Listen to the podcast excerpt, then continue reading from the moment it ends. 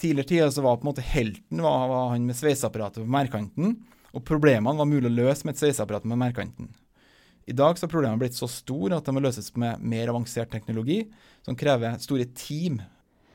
Og det er her Espen Jørgensen, leder for havrommet i Eggs Design, mener at han og hans kollegaer kan hjelpe. Design er nemlig mer enn italienske vaser, ifølge han. Dette er Tekfisk, podkasten om teknologi og forskning i sjømatnæringen. Mitt navn er Camilla Odland. Og nå skal du få høre mer om hvordan designbyrået har jobbet med ulike havbruksaktører, og hvordan gapet mellom røkter og teknolog kan minskes. Espen Jørgensen, kan du si litt om hva Eggs Design gjør opp mot havbruksnæringen? I det kan jeg. Um, I Eggs jobber vi jo med design av produkter, tjenester og merkevarer, både digitale og fysiske.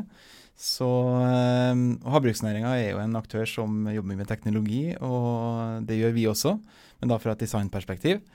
Så Som eksempler så har vi nå bistått eh, med eh, Scale AQ, eh, sammenslåinga av eh, Steinsvik, Aqualine og Aka Optima. Og Der har vi bistått med strategisk design, navngiving, visuell design og merkevare.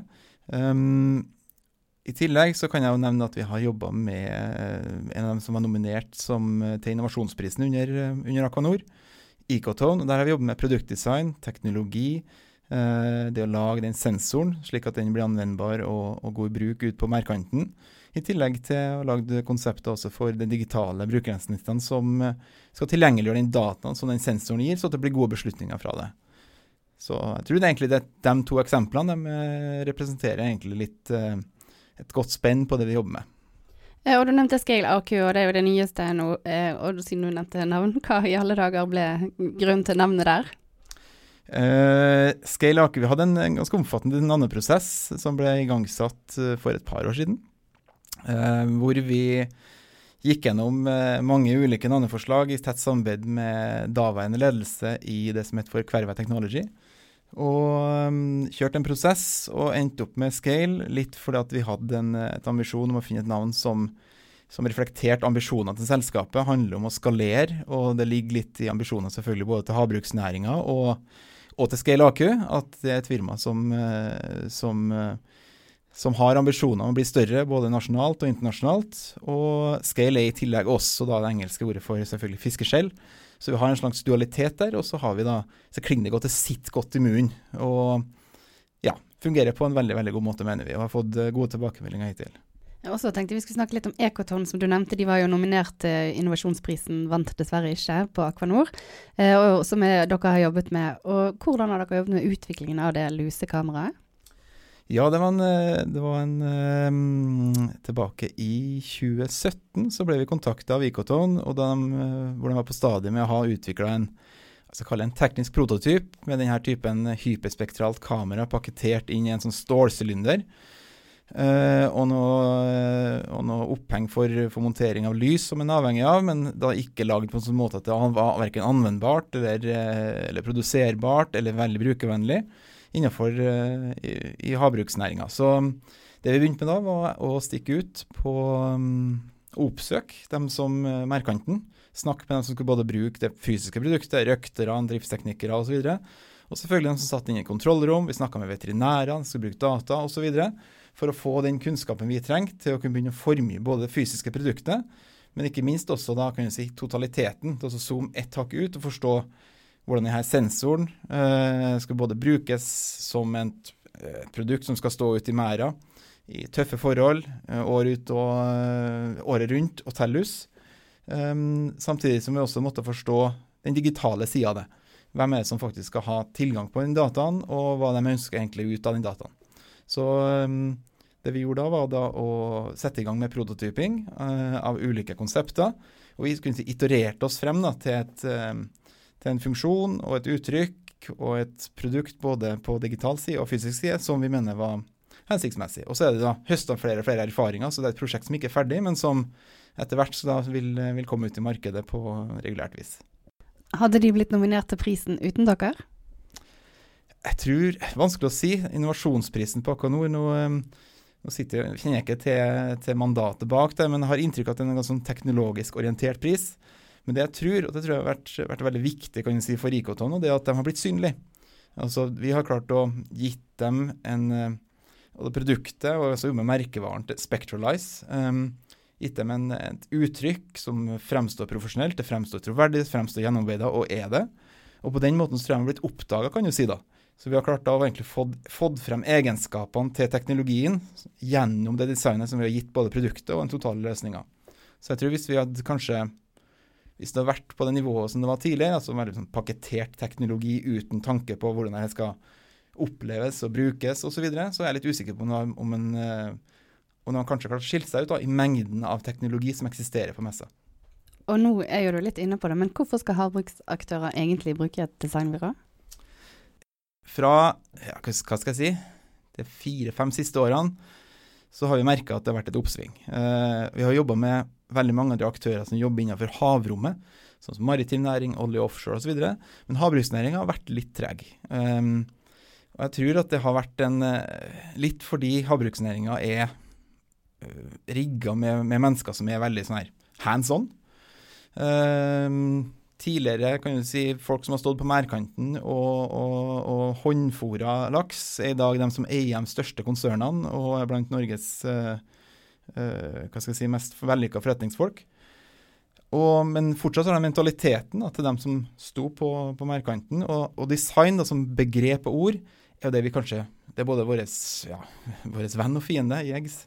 uh, ved at um, det høres ut som noe sånn litt sånn staffasje, litt shining, og noe som ikke hører hjem eh, på merdkanten, i hvert fall ikke havbruksnæringa.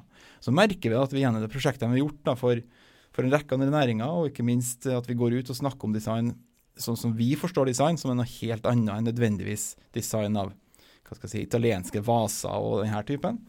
Um, så har vi fått gjennomslag for at en ser at den kompleksiteten og de utfordringene som næringa nå står overfor, krever en annen tilnærming.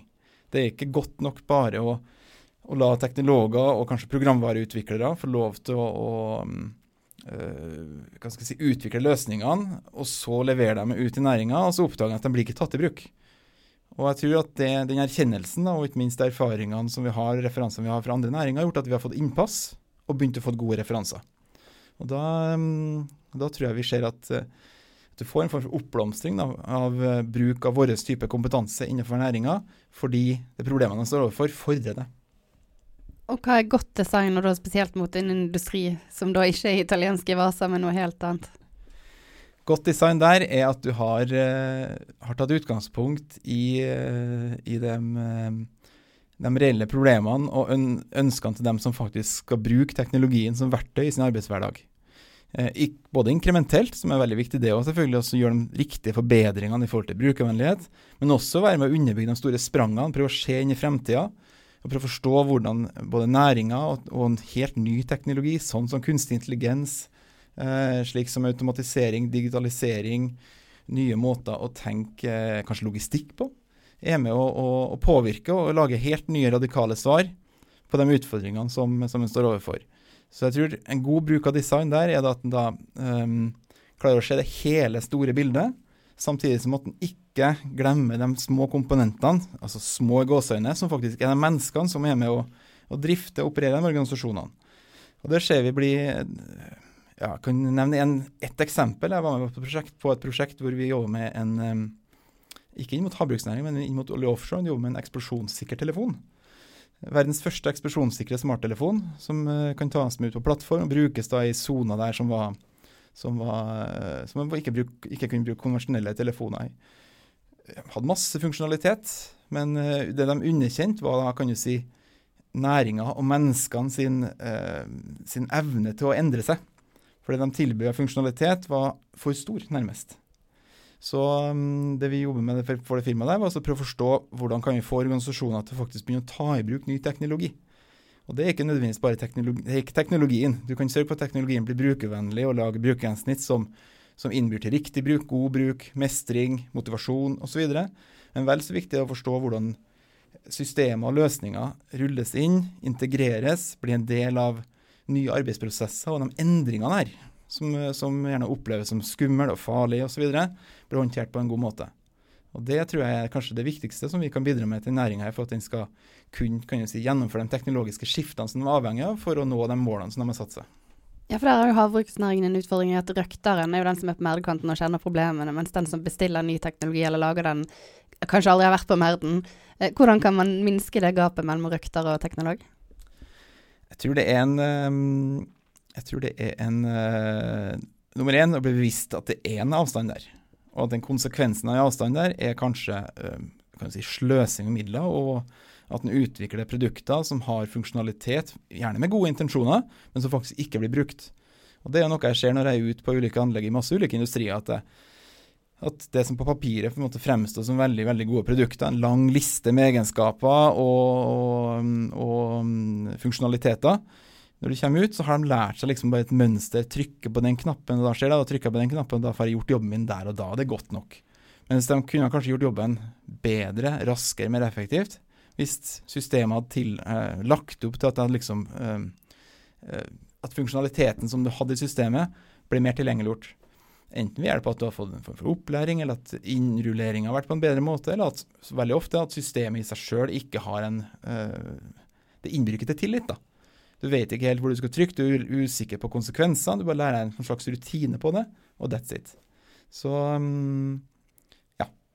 Så der kommer dere inn? Der kommer vi inn. Du har skrevet en kommentar på Techfisk at usmart innovasjon er sløsing. Kan du si litt hva du mener med det? Ja, det kan jeg. Um, jeg er veldig veldig glad. Altså, innovasjon er jo uh, noe vi jobber med som ligger veldig nært det vi, uh, det vi uh, jobber med når vi jobber med design. Men så er det ulike typer en kan tenke innovasjon på. Du har jo det vi er ofte gode på her i Norge, og spesielt her i Trondheim som teknologihovedstaden. Det kan vi si er teknologidrevet innovasjon. Det betyr ofte at du tar utgangspunkt i at du har kommet over en form for ny teknologi som eh, er patenterbar osv., og, og som gir muligheter, men ikke nødvendigvis gitt hvilke behov den svarer på. Og hva den skal brukes til for å skape verdi ut til en, ut en organisasjon, til en, eh, til en, eh, til en kunde, bruker osv. Så, videre. så da blir det litt sånn, litt gjetting. Du prøver bare å utnytte potensialet i teknologien for teknologiens skyld. Og ofte så er de valgene de forvalter av teknologer som er veldig glad i teknologien sin, Um, og jeg tror at um, det fort da kan føre til at en bruker store ressurser på å utvikle kanskje da feil løsninger, fordi at man tar litt for mye utgangspunkt bare i teknologien, og ikke nødvendigvis eh, ser på møtepunktet mellom teknologi og det egentlige behovene som, eh, som er, er, til stede ute i markedet. Så um, Vårt forskjell her er at vi ønsker å redusere det gapet da, kan si, mellom det en egentlig burde utvikla for å dekke de behovene, og teknologien, og finne riktige møtepunktene. Og, og jeg ser ofte at um, at en blir så glad kan du si, det mulighetene teknologien gir, til at den blir for ufokusert. Den har lyst til å utforske liksom hele spennet for at det er så spennende. Men hvor den egentlig burde kanskje ha fokusert mer på deler av de viktigste delene. Og begynt der, gjort det på en skikkelig god måte, gitt den skapt en god brukeropplevelse. En god måte for brukerne å, å, bli kjent med det på, få tillit til at det her faktisk fungerer. Og så etter hvert da, eh, introdusere kanskje den funksjonaliteten som er med på en reise sammen med de kundene og brukerne den har. Oppdrettsnæringen, det er jo høye kostnader der, og når de skal nå utvikle noe nytt, de kan kanskje sjøl tenke at det er sløsing å hente inn designere som ikke vet hva de driver med engang. Hva tenker du om det?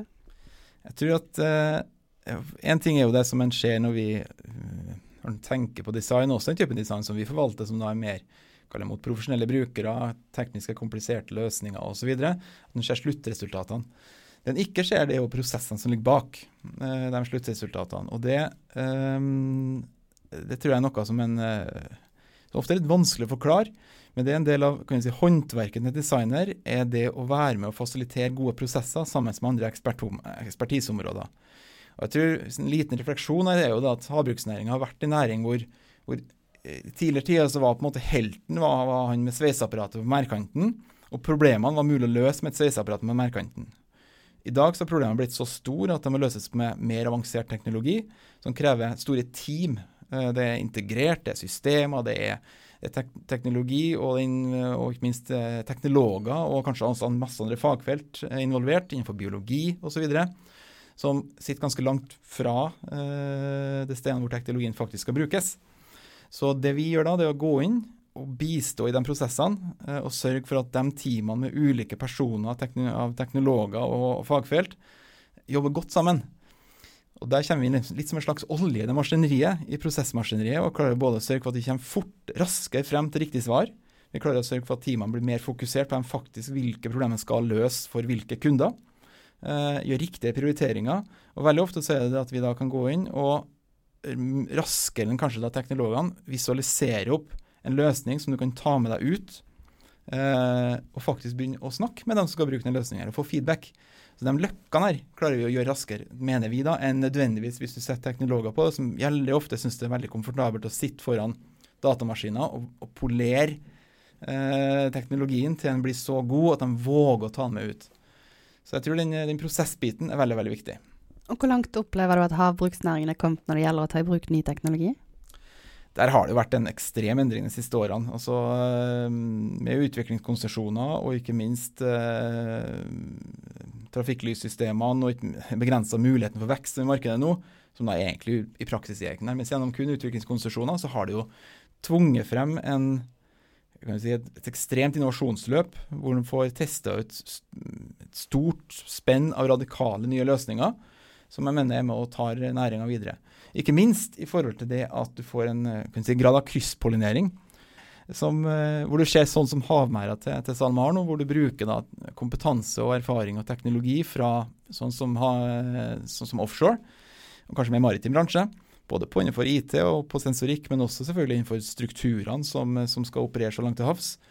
Og, og, den måten å flytte kan du si, kompetanse fra én næring, kompetanse, teknologi, erfaring fra en næring og applisere den i en annen næring, er veldig spennende. Så Selvfølgelig må det gjøres tilpassinger, men det, jeg synes det er et, eh, det er en, sånn, en, knekk kan du si, i forhold til den modenheten. Og selvfølgelig øker kompleksiteten, risikoen øker.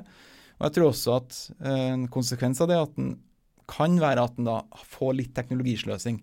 Selvfølgelig det er en næring som tjener godt med penger, og som kanskje er villig til å ta den risikoen. Og jeg er veldig veldig glad for at den våger å feile. og det er altså Prøve ut nye ting, og våger faktisk å prøve ting som ikke nødvendigvis er, er liksom brukt ti år på å beregne og, og, gjennomtenke, men at en faktisk hopper litt uti det og, og prøver å feile litt underveis. Ja, for Kan ny teknologi være med å gjøre arbeidsdagen litt sånn tyngre og vanskeligere? Gjort på feil måte, så er det, så er det en klassiker. Altså Det er ikke det vanligste når vi er ute og snakker, kanskje spesielt med profesjonelle brukere som tross alt ikke har Det er ikke dem som velger de løsningene de tross alt skal bruke i sin arbeidshverdag. Så om det er alt ifra bussjåfører med billetteringssystemer, eller om det er røktere, eller om det er uh, kapteiner på båter, eller, eller hvor, det, hvor, det, skal være hen, så får de systemer som de er nødt til å leve med. Og hvis de systemene sørger for at uh, de både opplever at de ikke har mestring, uh, dårlig motivasjon, ofte at de ikke bruker systemet. dårlige systemer brukes bare liksom, kanskje halvparten av, for at ikke du har det insentiverer ikke deg å, å faktisk utforske hva det egentlig kan brukes til, så, så, du kan få utnytta det optimalt. Så tror jeg at det her kan lede til dårlige arbeidshverdager, og ikke minst også lav sikkerhet. Uh, og Det ser vi spesielt innenfor, um, på prosjekter vi har gjort innenfor uh, maritim næring, hvor, hvor du gjerne da har si, brosystemer som består av teknologi eller løsninger fra masse ulike leverandører ja, ikke nødvendigvis masse ulike leverandører, men det kan være samme leverandør, men masse ulike avdelinger til den leverandøren som oppfører seg på ulike måter. Så kan du si at du har én måte å slå av en alarm på, eller håndtere en alarm på på, en, system, ene systemet, så har du kanskje den totalt motsatte på andre systemet. Og i en stressituasjon så vil denne typen dårlig konsistens og, og um, gjennomarbeida løsninger faktisk være eh, farlig. Og hva er ditt håp for havbruksnæringen fremover? Jeg håper at de kan jeg si, fortsette å være like fremoverlent med å tenke nytt som de har vært de siste årene. Men at de ikke går i, i fella med å laste på hodeløst med teknologi uten å involvere eh, og gjøre det på en måte som egentlig sørger for at teknologien samvirker godt med de menneskene som fortsatt er viktige i næringa. Jeg tror selv med kunstig intelligens, med automatisering osv., så, videre, så blir det kanskje enda viktigere, og det tror jeg er en sånn ofte en sånn feiloppfatning at hvert å automatisere, så har du eh, tatt bort den menneskelige faktoren. Men det du ofte gjør, er at du, du, sørger for at risikoen ved feil eh, blir enda større ved den ene personen som skal tross alt kanskje gripe inn hvis automatiseringa feiler. Så jeg tror um, Jeg håper at næringa fortsatt klarer å det være, være såpass bevisst da, på de utfordringene som, som den står overfor, som er veldig stor. Um, og, men fortsatt klarer å opprettholde innovasjonstakten som utviklingskonsesjonene eh, gir, og ikke minst at de ulike underleverandørene som, er, som er veldig viktige i næringa, sånn som ja, Scale AQ, Aqua Group og ikke minst den myriaden av kan vi si, startups, scaleups og, og kanskje også um, aktører fra nærliggende næringer, som, kommer, som er litt på vei inn her nå, at de klarer å forstå at de er nødt til å gå ut og prøve å sette seg inn i hvordan faktisk de menneskene som er med, som er med å drive næringa, eh, hvordan de ønsker at den teknologien skal bli forvalta. Takk skal du ha. Tusen takk. Du har nå hørt på Techfisk, podkasten om teknologi og forskning i sjømatnæringen. Skal du på Danfish? Der skal vi ha live podkast klokken tolv torsdag 10. oktober.